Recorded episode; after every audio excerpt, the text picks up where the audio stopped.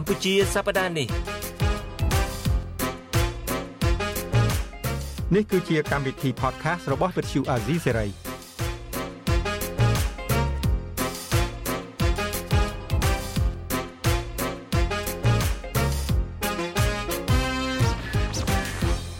បាទខ្ញុំបាទយ៉ងច័ន្ទតារាសូមជម្រាបសួរលោកអ្នកនាងដែលកំពុងតាមដានកម្មវិធី podcast កម្ពុជាសប្តាហ៍នេះរបស់ Vuthu Azizi Serai ហើយក៏សូមជម្រាបសួរពូប៉ូលីដែរបាទ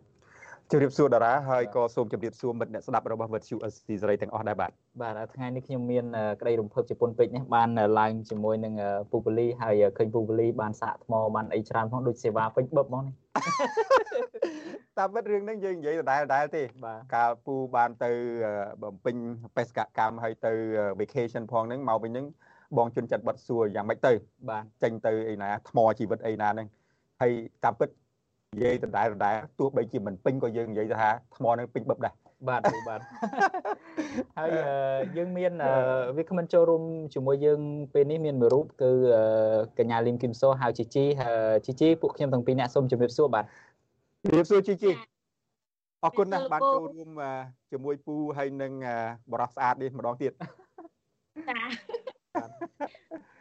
ថ្ងៃនេះមានជីជីចូលរួមជាមួយយើងផងតើយើងជជែកពីបញ្ហាដែរពូប៉ូលីបាទអឺកន្លងមកពូដឹងថាជីជីនេះគឺជាមនុស្សម្នាក់រស់នៅក្នុងតំបន់អង្គរហ្នឹងណាហើយក្នុងពេលនេះពូចង់និយាយថាការបណ្ដេញចេញម្ចាស់អង្គរហ្នឹងចេញពីផ្ទះរបស់គាត់គឺតំបន់អង្គរហ្នឹងបាទហើយពូចង់សួរមើលថាតើម្ចាស់អង្គរហ្នឹងវាឈឺចុកចាប់យ៉ាងណាហើយតារាជាអ្នកកសែតហ្នឹងដឹងរឿងអីខ្លះហើយពីការបណ្ដេញប្រជាពលរដ្ឋចេញហ្នឹងបាទ រឿងនៅអង្គរនេះតាមពិតផ្ទុះក៏ក្រើកមែនតើណាពូទាំងនៅបណ្ដាញសង្គមក្តីទាំងនៅក្នុងការជជែកគ្នាពីមាត់មួយទៅមាត់មួយហ្នឹងហើយជាពិសេសគឺផ្ទុះរហូតដល់អន្តរជាតិដល់ពិភពលោកតែម្ដងពីព្រោះថាតំបន់អង្គរហ្នឹងគឺជាបេតិកភណ្ឌពិភពលោកបាទជាសម្បត្តិរបស់មនុស្សជាតិជាទូទៅជាពិសេសហ្នឹងគឺថាជាសម្បត្តិរបស់ជាតិខ្មែររបស់ប្រជាពលរដ្ឋដែលជាអ្នកកសាងហ្នឹងតែម្ដងក៏ប៉ុន្តែរឿងមួយដែលគួរឲ្យសោកស្ដាយដែលកំពុងតែ មានបញ្ហាខ្លាំងហ្នឹងគឺតកតងទៅនឹងការបណ្ដេញពួកគាត់នឹងឯងចេញពីតំបន់កូននឹងឯងហើយជីជីនៅទីនឹងដឹងស្រាប់ហើយថាបើយើងគិតពីចំនួនអ្នកដែលត្រូវបានបណ្ដេញចេញហ្នឹងបើតាមរបាយការណ៍របស់អង្គការលើកលែងទោសអន្តរជាតិហ្នឹងគឺថាអាចឈានចូលរហូតទៅដល់ទៅ40000នាក់ឯណោះបើគិតអំពីចំនួនមនុស្សណាដែលរងផលប៉ះពាល់ពីការបណ្ដេញចេញនេះហើយម្ដងហើយម្ដងទៀតគឺសារនយោបាយពីប្រមុខរដ្ឋាភិបាលមកហ្នឹងហាក់ដូចជាមិនសូវ ជាត្រឹមត្រូវទេគឺហាក់ដូចជាមានការកុហកច្រើនអញ្ចឹងដំបូងនេះក៏ចង់ឲ្យជីជីបង្ហាញចំណាប់អារម្មណ៍តិចតាក់ទងទៅនឹងការបណ្ដេញពួកគាត់ចេញនេះថាតើស្ថានភាពហ្នឹងយ៉ាងម៉េចដែរជីជីបាទយើងត្រូវត្រឡប់ទៅមើលច្បាប់អប្សរាទៅមើលច្បាប់ UNESCO វិញថាតើអ្នកណាមានសិទ្ធិនៅក្នុងការរៀបចំអភិវឌ្ឍនៅតំបន់ហ្នឹងនៅក្នុងច្បាប់អប្សរាគឺគេបានចែងច្បាស់ថាប្រជាពលរដ្ឋដើមដែលរស់នៅតំបន់អង្គរគឺមិនត្រូវបានជំលះចេញឬក៏មិនដេញចេញទេ ត្រូវតែរក្សាពួកគាត់ដែលជាជនជាតិដើមហើយសូម្បីតែនៅក្នុងច្បាប់របស់ UNESCO ក៏គេបានលើកឡើងដែរថាប្រជាពលរដ្ឋដែលរស់នៅតាមតំបន់មិនអង្គរយើងនិយាយយើងនិយាយជារួមណាគ្រប់បណ្ដាប្រទេសទូទាំងសកលលោកដែលបានចុះបញ្ជីនៅក្នុងបេតិកភណ្ឌពិភពលោកគឺត្រូវតែការពារមិនមែនការពារទាំងកែវឬក៏ប្រាសាទដែលនៅដែលបានចុះបញ្ជីនឹងទេគឺត្រូវការពារមនុស្សជាតិដែលរស់នៅជុំវិញនឹងផងអញ្ចឹង រដ្ឋាភិបាលគឺគាត់អត់បានការពារប្រជាពលរដ្ឋនៅជុំវិញតំបន់អង្គរនឹងទេគាត់ថាគាត់ចង់ការពារអង្គរប៉ុន្តែនៅក្នុងច្បាប់ស្ដីពីកិច្ចការពារតំបន់បេតិកភណ្ឌពិភពលោកគេបាននិយាយដែរតាថាត្រូវការពារមនុស្សជាតិដែលនៅជុំវិញតំបន់ប្រាសាទនឹងផងហើយគេព្យាយាមជំលះប្រជាពលរដ្ឋចេញព្រោះគេចង់បានដីហ្នឹងដើម្បីយកទៅអភិវឌ្ឍនៅក្នុងគម្រោងរបស់រដ្ឋាភិបាលដែលគេចង់អឺដែលគេចង់ធ្វើ ប៉ុន្តែវាផ្ទុយជាមួយនឹងច្បាប់អប្សរាហើយនឹងអង្គការ UNESCO ហើយនៅក្នុងនឹងផងដែរយើងឃើញថាអឺហេតុអីបានជាគេចលៀសប្រជាពលរដ្ឋចេញលឿនលឿនម៉េះព្រោះដោយសារគេធ្វើខុសច្បាប់គេគេអត់បានគោរពទៅតាមអឺច្បាប់នៃអង្គការ UNESCO ឬក៏ច្បាប់នៃក្រសួងក្រសួងវប្បធម៌ឬក៏អប្សរាផងហ្នឹងអញ្ចឹងគេកាត់ទីជីមួយ ជីជីសុំកាត់ជីជាមួយរឿងច្បាប់នេះណាប្រជាពលរដ្ឋខ្មែរជាទូទៅបានដឹងទាំងអស់គ្នាហើយហើយក៏មានការប្រសិទ្ធនាមឲ្យដែរថាកម្ពុជានីតិមាត់មាត់ទាំងអស់គឺកាលពីពេលមុនហ្នឹងគឺស្ថិតនៅលើសម្ដេចពុកនឹងឯងលោកយុសម្ដេចពីដែរសម្ដេចពុកសម្ដេចពុកអូចាំស្អីក៏ដោយគឺថាចេញមកពីសម្ដីរបស់សម្ដេចគុកសម្ដេចគុកនឹងថាម៉េច ត្រូវតែធ្វើអញ្ចឹងបាទឥឡូវនេះសុំងាកទៅវិញតិចជីជីព្រោះមិនចង់និយាយពីរឿងអឺរឿងច្បាប់រឿងអីហ្នឹងទេព្រោះច្បាប់វាលើនៅលើមាត់របស់មនុស្សហើយហ្នឹងណាបាទឥឡូវនិយាយពីការក្លែងបន្លំបាទភូភូតផបោកប្រាស់ទៅវិញសម្ដេចគុកកន្លងមកហ្នឹងគាត់បាននិយាយថានេះយើងបានទៅសេនេះជាពេលវេលាដែលរាជរដ្ឋាភិបាលកំពុងថ្នាក់ថ្នមធ្វើហេដ្ឋារចនាសម្ព័ន្ធជូនប៉ុន្តែតែដល់ពេលវេលាមួយហើយ មិនមែនសុខចិត្តឲ្យអង្គការឲ្យអង្គរវត្តត្រូវគេដកចេញពីបេតិកភណ្ឌពិភពលោកទេអូអត់ត្រូវទេពូភាសារបស់លោកហ៊ុនសែនគឺដឹងថាច្អល់ច្អល់ចំហ្មងលើវេទិកាហើយច្បាស់ច្បាស់ម៉ាត់ម៉ាត់ជាងហ្នឹងមិនមែនអញ្ចឹងទេបាទមិនមែនអញ្ចឹងទេការខ្លាំងការចំនួនហ្នឹងបាទប្រជាបរតគ្រាន់តែលឺភ្លាមសង្កថានាំគ្នារត់ចោលអីវ៉ាន់ណាមិនបាច់យកអីវ៉ាន់ទេនាំគ្នារត់ទៅហ្មងទៅព្រោះកាលហ្នឹងគាត់សម្លុតតែម្ដងអញ្ចឹងបើមិនព្រមយកទេ តែដល់ពេលគ្មានសំណងអីទាំងអស់គ្មានសំណងអីទាំងអស់ហើយគាត់ថាគាត់សុកចិត្តឲ្យអឺអ្នកដែលត្រូវយកចេញនេះគឺជាប្រជាពលរដ្ឋមិនអាចឲ្យអង្គរហ្នឹងត្រូវបានគេយកចេញជាពីបជីបេតិកភណ្ឌពិភពលោកទេប៉ុន្តែរឿងនេះនៅពេលដែលផ្ទៀងផ្ទាត់មែនតែនទៅ UNESCO ឆ្លើយតបមែនតែនទៅគេថាគេអត់ដែលពាក់ព័ន្ធទេគេមានតែជំរុញលើកទឹកចិត្តឲ្យកុំឲ្យជំនះប្រជាពលរដ្ឋហើយឲ្យរដ្ឋាភិបាលគោរពសិទ្ធិមនុស្សការពិតត្រូវបានលាតត្រដាងអញ្ចឹង គម្រាមកំហែងគេដេញគេចេញហ្នឹងគឺថាក្នុងបំណងបោកបោកគេទេមិនអញ្ចឹងបាទគាត់បោកភ័ណ្ឌសាធារណៈបំភ័ណ្ឌសាធារណៈគេមិនដឹងយកដីហ្នឹងទៅធ្វើអីទេ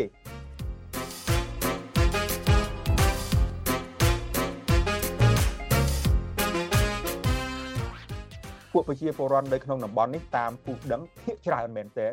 គឺជាម្ចាស់ស្រុកម្ចាស់ស្រែដែលធ្លាប់រស់នៅកន្លែងហ្នឹងតពូជ បាទតកូនចៅតចៅហ្នឹងរាប់រយរាប់ឆ្នាំមកហើយហើយគាត់ជាម្ចាស់អង្គរពិតប្រាកដណាបាទហើយបើសិនជាយើងដេញម្ចាស់ផ្ទះចេញពីផ្ទះចេញពីផ្ទះរបស់គាត់ទៅយើងយល់ពូក៏ជាជនភៀសខ្លួនតារាក៏ជាមនុស្សដែលត្រូវរត់ចោលស្រុកចោលស្រែហ្នឹងតើយើងសប្បាយចិត្តអត់ពួកគិតនោះមានអារម្មណ៍យ៉ាងណាទៅបាទពូគិតតែប៉ុណ្ណេះទៅជីជីចាំតិចសិនណា តែគេមកតវ៉ានៅមុខផ្ទះហ្នឹងរៀបគម្រោងមិនអោយប្រជាពលរដ្ឋទៅតវ៉ានៅមុខផ្ទះឪពុកគាត់បានទៀតចង់ឲ្យទៅណាផុតទៅទៅផុតទៅដល់ពេលប្រជាពលរដ្ឋវិញបណ្ដេញពួកគាត់ចេញពីភូមិកំណើតរបស់គាត់ហើយនេះមិនមែនតែពួកយើងជាអ្នកសារព័ត៌មានឯករាជ្យដែលរាយការណ៍ទេណាពូសូម្បីតែសារព័ត៌មានក្នុងស្រុកដែលគ្រប់គ្រងរដ្ឋាភិបាលហ្នឹងក៏ពេលដែលជួបសម្ភាសគាត់ប្រាប់ថាគាត់រស់នៅនឹង3 4ជំនាន់តាំងពីចដូនជីតាអឺជាលួតជាលាគាត់មកគឺគាត់ដឹងថាគាត់នៅនឹងរួចហ្នឹងហើយមុន ពេលដែលបារាំងទៅរោមអង្គឃើញហ្នឹងពួកគាត់ក៏នៅនោះដែរបាទពួកគាត់នៅនឹងហើយហ្នឹងមានមនុស្សនៅជុំវិញអង្គហ្នឹងហើយហ្នឹងពួកគាត់នឹងឯងជាអ្នកថែទាំតំបន់អង្គហ្នឹងឯងប្រជាពលរដ្ឋរាប់រយជំនាន់ហើយហ្នឹងអញ្ចឹងអ្វីមួយដែលយើងចង់រំលឹកនៅពេលនេះលោកនយោរដ្ឋអតីតលោកនយោរដ្ឋមន្ត្រីហ៊ុនសែនបានបំភាន់សាធារណមតិដោយយកអង្គការ UNESCO ហ្នឹងថាជាជាខែលនៅក្នុងការបំភាន់សាធារណមតិហ្នឹងថា តំបន់អង្គរហ្នឹងបើទុកនៅតែអញ្ចឹងទៀតគេអាចដកចេញឯហ្នឹងក្រោយ UNESCO លាតត្រដាងការពិតឆ្លើយតបការពិតហើយហ្នឹង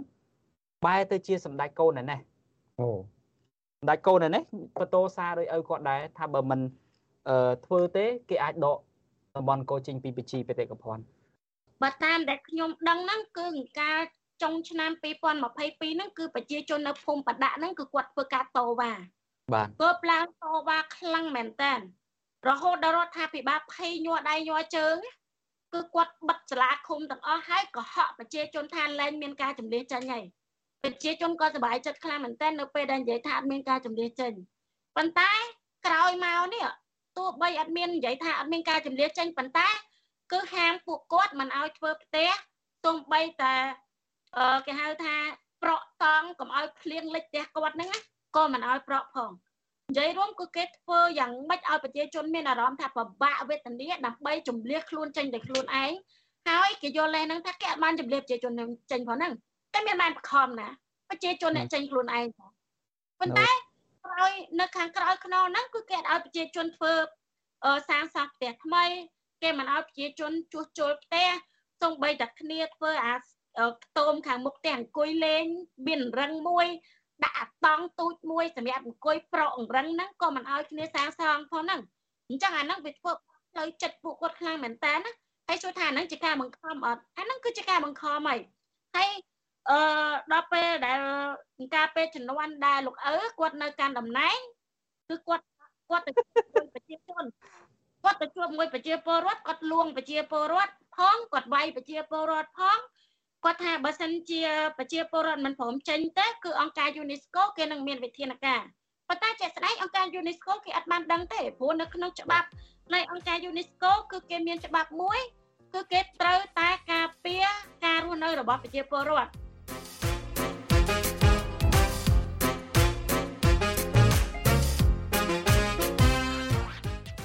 ដោយសារពេលវេលាយើងខ្លីតារាបងសូមងាកមកបន្តិចអឺសម្ដេចកូននឹងនិយាយយ៉ាងម៉េចដែរគាត់ទៅបន្ត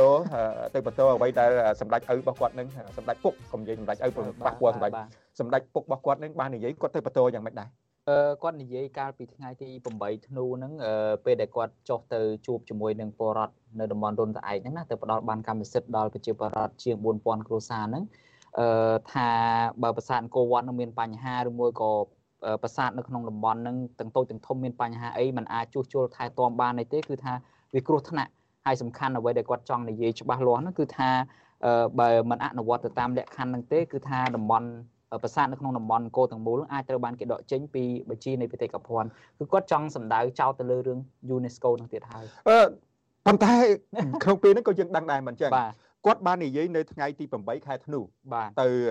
ទៅបោកប្រជាពលរដ្ឋនឹងទៅបញ្ជាក់នឹងហើយតាមពិតអង្គការ UNESCO នឹងគេបានចេញ statement បាទជាផ្លូវការសេចក្តីព័ត៌មានបាទជាផ្លូវការនៅថ្ងៃទី15ខែខែវិច្ឆិកាអញ្ចឹងមានន័យថាជិត20ថ្ងៃក្រោយមកហើយនឹងនៅពេលដែលគេនិយាយបញ្ជាក់ច្បាស់ហើយនឹងគាត់មកនិយាយបំពេញដដែលអាហ្នឹងហើយ លីគឺថានៅពេលមួយដែលសាធារណជនជាទូទៅដឹងថារឿងហ្នឹងរឿងបោកប្រាស់សាធារណមតិបំភាន់សាធារណមតិហើយអ្វីមួយដែលគេរំពឹងនោះគឺកំណែតម្រង់ដែលលោកហ៊ុនម៉ាណែតអាចនឹងធ្វើថាតើគាត់នឹងដោះស្រាយបញ្ហាហ្នឹងយ៉ាងម៉េចមានណាគាត់ទៅដល់គាត់ទៅបន្តបន្ថែមសារឲ្យគាត់នឹងអញ្ចឹងគាត់ជាសម្ដេចអីគេវិញពូអូបើតាមបើតាមអ្វីដែលដែលពូមើលព័ត៌មានរបស់យើងហើយនឹងការផ្សាយព័ត៌មានរបស់យើងនឹងប្រជាពលរដ្ឋខ្មែរយើងហៅថា គាត់បោកទៀតហើយគាត់ភូគាត់ភូគាត់ភើទៀតហើយគាត់ភូទៀតហើយគាត់បង្វែងដានទៀតហើយបាទកាលពីចំនួនឪពុកគាត់គឺថាអ្នកណានិយាយអីប៉ះអារម្មណ៍គាត់ស្អីអីគាត់ចាប់គេដាក់គុកប្រជាពលរដ្ឋហៅគាត់ថាសម្ដេចគុកហើយឥឡូវពេលនេះបើគាត់ដើរបោកគេទាំងបំពេញអញ្ចឹងប្រជាពលរដ្ឋហៅថាប្រហែលជាហៅថាសម្ដេចបោកសូរមងាររបស់គាត់ថ្មីដ៏អស្ចារ្យដែលសមត្រឹមត្រូវជាងគាត់បំផុតនេះគឺថា សម្ដេចបោកហើយបោកហ្នឹងគឺបោកទាំងស្រស់ហ្មងអត់មានបោកទាំងលាក់លៀមអីទេ Amnesty International អង្គការ UNESCO ដែលជាម្ចាស់បញ្ជីហ្នឹងប្រាប់ថាយើងអត់ដែរនិយាយអញ្ចឹងទេហើយគាត់នៅតែនិយាយអញ្ចឹងបិទភ្នែកសម័យមើលតារាបិទភ្នែកសម័យមើល30 40ឆ្នាំមុនអត់មានប្រព័ន្ធអ៊ីនធឺណិតអីត្រឹមត្រូវស្រួលបួលប្រជាពលរដ្ឋយើងរស់នៅក្នុងភាពងងឹតមិនអញ្ចឹងណាមិនបានយល់ដឹងពីស្ថានភាពជុំវិញពិភពលោក តើគាត់អាចបោកយើងបានប្រហែល100ដងទៀតលើពីឥឡូវនេះនៅពេលឥឡូវគេនិយាយច្បាស់គាត់អាចបោកយើងបានសូរមងាសម្ដេចបោកគឺថាសំរុំត្រឹមត្រូវជាទីបំផុត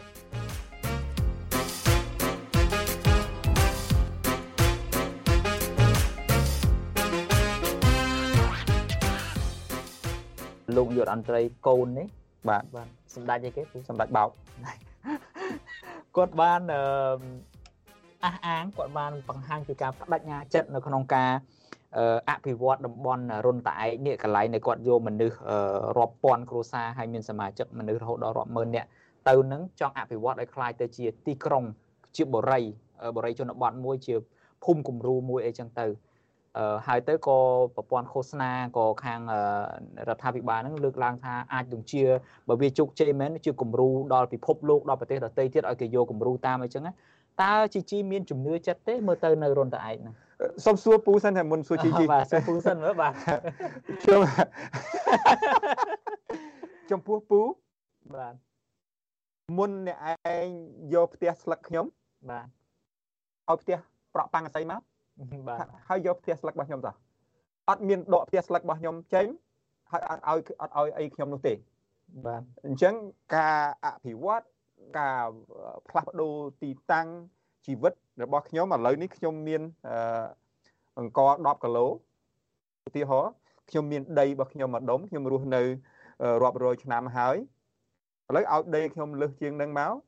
ធំជាងនឹងមកជីវភាពរបស់ខ្ញុំរស់នៅបានល្អជាងនឹងខ្ញុំប្រកាសជាទៅហើយ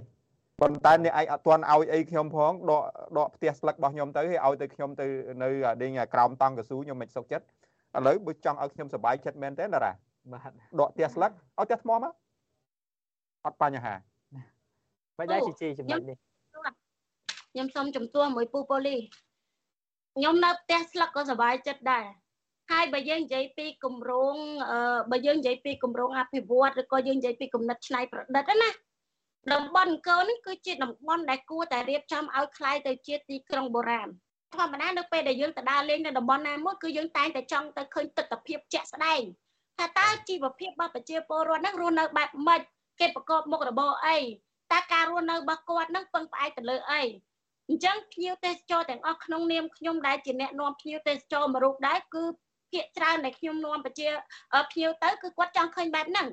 ចុះនៅពេលដែលចម្លៀសប្រជាពលរដ្ឋចេញពីតំបន់ដែលគាត់រស់នៅជាអចិន្ត្រៃយ៍ហើយឲ្យគាត់ទៅនៅតំបន់ថ្មី តើឆ្នាំណាដែលគាត់អាចបង្កើតទំនៀមទម្លាប់ថ្មីបានហើយមួយទៀតអឺមុនពេលឥឡូវនេះគេជំលះប្រជាពលរដ្ឋទៅហើយប៉ុន្តែបើជាក់ស្ដែងគឺចង់ឲ្យប្រជាពលរដ្ឋដែលមិនទាន់ចាក់ចេញហ្នឹងគឺដាច់ខាតមិនត្រូវចេញទេព្រោះអីការអភិវឌ្ឍនៅនឹងកន្លែងគឺជារឿងដែលល្អបំផុតហើយការជំលះបកគាត់ឲ្យទៅនៅតំបន់ថ្មីលោកពូរាល់ថ្ងៃប្រជាពលរដ្ឋខ្មែរយើងច្រើនមែនតើដែលអត់មានលំនៅឋានគាត់ជួលផ្ទះគេនៅ អ្នកខ្លះគាត់អត់មានផ្ទះនៅតែដេកក្រោមស្ពានចុះបើចង់បង្កើតបុរីឬក៏ចង់សាងសង់ទីក្រុងថ្មីហេតុអីមិនយកប្រជាពលរដ្ឋទាំងអស់នោះណាយកមកដាក់នៅអាតំបន់ថ្មីហ្នឹងហើយបង្កើតមុខរបរបង្កើតការងារឲ្យគាត់ទៅហេតុអីបានជាទុកប្រជាពលរដ្ឋដែលអត់ផ្ទះអត់សម្បែងចោលហើយទៅយកប្រជាពលរដ្ឋដែលគ្នាមានផ្ទះសម្បែងហើយទៅយកឲ្យគាត់ទៅរស់នៅកន្លែងថ្មីហើយទុកដីចោលដើម្បីអី អញ្ចឹងនៅក្នុងប្រទេសទូទាំងសកលលោកខ្ញុំទើបតែឃើញប្រទេសខ្មែរមួយដែលធ្វើបែបហ្នឹងប្រទេសផ្សេងផ្សេងទៀតគឺគេអត់ធ្វើអញ្ចឹងទេហើយយើងឃើញថានៅបាងកកខ្ញុំបានទៅតំបន់មួយដែលយើងហៅថាអឺទន្លេចៅផាយ៉ាខ្ញុំមានរូបថតចាំខ្ញុំផ្ញើឲ្យតារាអាគារខ្ពស់ខ្ពស់នៅជុំវិញប៉ុន្តែបែរជាមានផ្ទះឈើ3 4នៅខាងក្រោមហ្នឹងហើយគេអត់ចម្លៀសប្រជាពលរដ្ឋចេញព្រោះប្រជាពលរដ្ឋអត់ចង់ចេញ តែគាត់ថាគាត់អត់ចង់គាត់មានសិទ្ធិនៅក្នុងការមិនចេញអ្នកឯងចង់ធ្វើអាគារខ្ពស់ប៉ុណ្ណាខ្ពស់ទៅប៉ុន្តែសួរថាភ្ញៀវទេសចរគេទៅមើលអាគារខ្ពស់ហ្នឹងទេមានតែពួកចិនឬក៏អ្នកដែលគាត់នៅអាគារខ្ពស់ស្រាប់គាត់ឡើងអឺអ្នកដែលគាត់អត់អឺអ្នកដែលគាត់អត់មាននិយាយទៅផ្ទុយអ្នកដែលនៅលើអាខ្ពស់ខ្ពស់គាត់ចង់មកមើលអាផ្ទះខាងក្រោមដល់អ្នកដែលគាត់នៅអាផ្ទះក្រោមហ្នឹងគាត់អត់នៅទេគាត់ចង់ទៅមើលអាគារខ្ពស់អញ្ចឹងអាហ្នឹងពាក្យដែលគេខ្មែរយើងតែលើកឡើងថា អភិរក្សកុំភ្លេចអភិវឌ្ឍអភិវឌ្ឍកុំភ្លេចអភិរក្សមិនដែរពូសំមុខទេសំមុខអីពីរក្រែហើយបាទព្រោះអីជីជីគេនិយាយត្រូវអឺចំពោះពូយើងគិតខ្លីហើយយើងអត់គិតពីដេញសម្រាប់ប្រយោជន៍របស់ប្រជាពលរដ្ឋទូទៅ យើងមានហើយយើងមានផ្ទះស្លឹកហើយគេឲ្យផ្ទះថ្មហើយយើងយើងទៅយើងភ្លេចគិតថា អ្វីដែលយើងរស់នៅ គឺជាផ្ទះរបស់យើងយើងមានការកែច្នៃអឺគេដូនតារបស់យើងយើងអត់បានគិតចំណុចហ្នឹងហើយសូអាជីជីនិយាយមកហ្នឹងត្រូវហើយអញ្ចឹងពូសុំដូរចិត្តដូរថ្លើមអត់គ្រប់គ្រងមតិរបស់ពូដែលនិយាយមុនអាជីជីលុតមកក្រែនឹងទេហើយអរគុណហើយជីជីដែលបានដាស់តឿនពូកុំឲ្យភ្លេចហើយអ្វីដែលជីជីនិយាយនេះគឺថាមានសារៈសំខាន់ណាស់ហើយអរគុណ យើងមានពាក្យអង់គ្លេសមួយដែរហៅថា home sweet home ហ្នឹងមិនអញ្ចឹង home sweet home បាទទៅដល់ណាក៏ផ្ទះនៅតែជាទីរលឹកទៅជាទីកក់ក្ដៅកន្លែងដែលផ្ដល់សេចក្តីសុខឲ្យយើងដែរអនុស្សាវរីយ៍បាទអនុស្សាវរីយ៍ច្រើនរាប់មិនអស់អញ្ចឹងបាទអញ្ចឹងអឺ ពូបលីយើងហើយនឹងជីជីយើងជជែកគ្នានេះក៏បានច្រើនហើយដែរមកដល់ត្រឹមនេះការផ្សាយកម្មវិធី podcast របស់យើងជជែកអំពីការបណ្ដេញម្ចាស់អង្គរចេញពីផ្ទះនេះគឺថា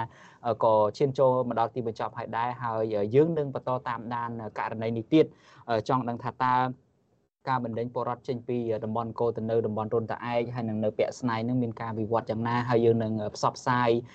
រឿងនេះទៅកាន់លោកអ្នកនាងទាំងនៅក្នុងកម្មវិធីព័ត៌មានផ្សាយប្រចាំថ្ងៃរបស់យើងផងហើយបើសិនជាមានអីពិសេសថែមទៀតនោះយើងអាចយកមកជជែកនៅក្នុងកម្មវិធី podcast នេះតទៀតពីព្រោះ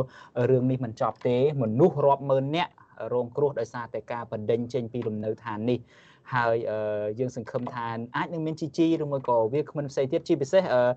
ពឹង GG មួយតែម្ដងទៅបើអាចរកបានយុវជនក្តីប្រជាប្រដ្ឋក្តីនៅតំបន់អង្គរដែលត្រូវបានគេបណ្ដេញចេញហ្នឹងសូមឲ្យពួកគាត់ឡើងជាវាគ្មិនឬមួយក៏ភ្ញៀវចូលរួមជាមួយយើងម្ដងមកដើម្បីយើងបានសម្ភាសពួកគាត់ដែរអញ្ចឹងណាបាទមកដល់ត្រឹមនេះខ្ញុំបាទយ៉ងច័ន្ទតារាលោកសំពូលីនិងអ្នកនាងលឹមគុំសហៅជីជីក៏សូមអរគុណដល់លោកអ្នកនាងហើយយើងសង្ឃឹមថាជួបលោកអ្នកនាងនៅពេលក្រោយទៀត ពួកខ្ញុំទាំងអស់គ្នាសូមជម្រាបលាសូមអរគុណបាទជម្រាបលាមិត្តអ្នកស្ដាប់ហើយអរគុណជីជី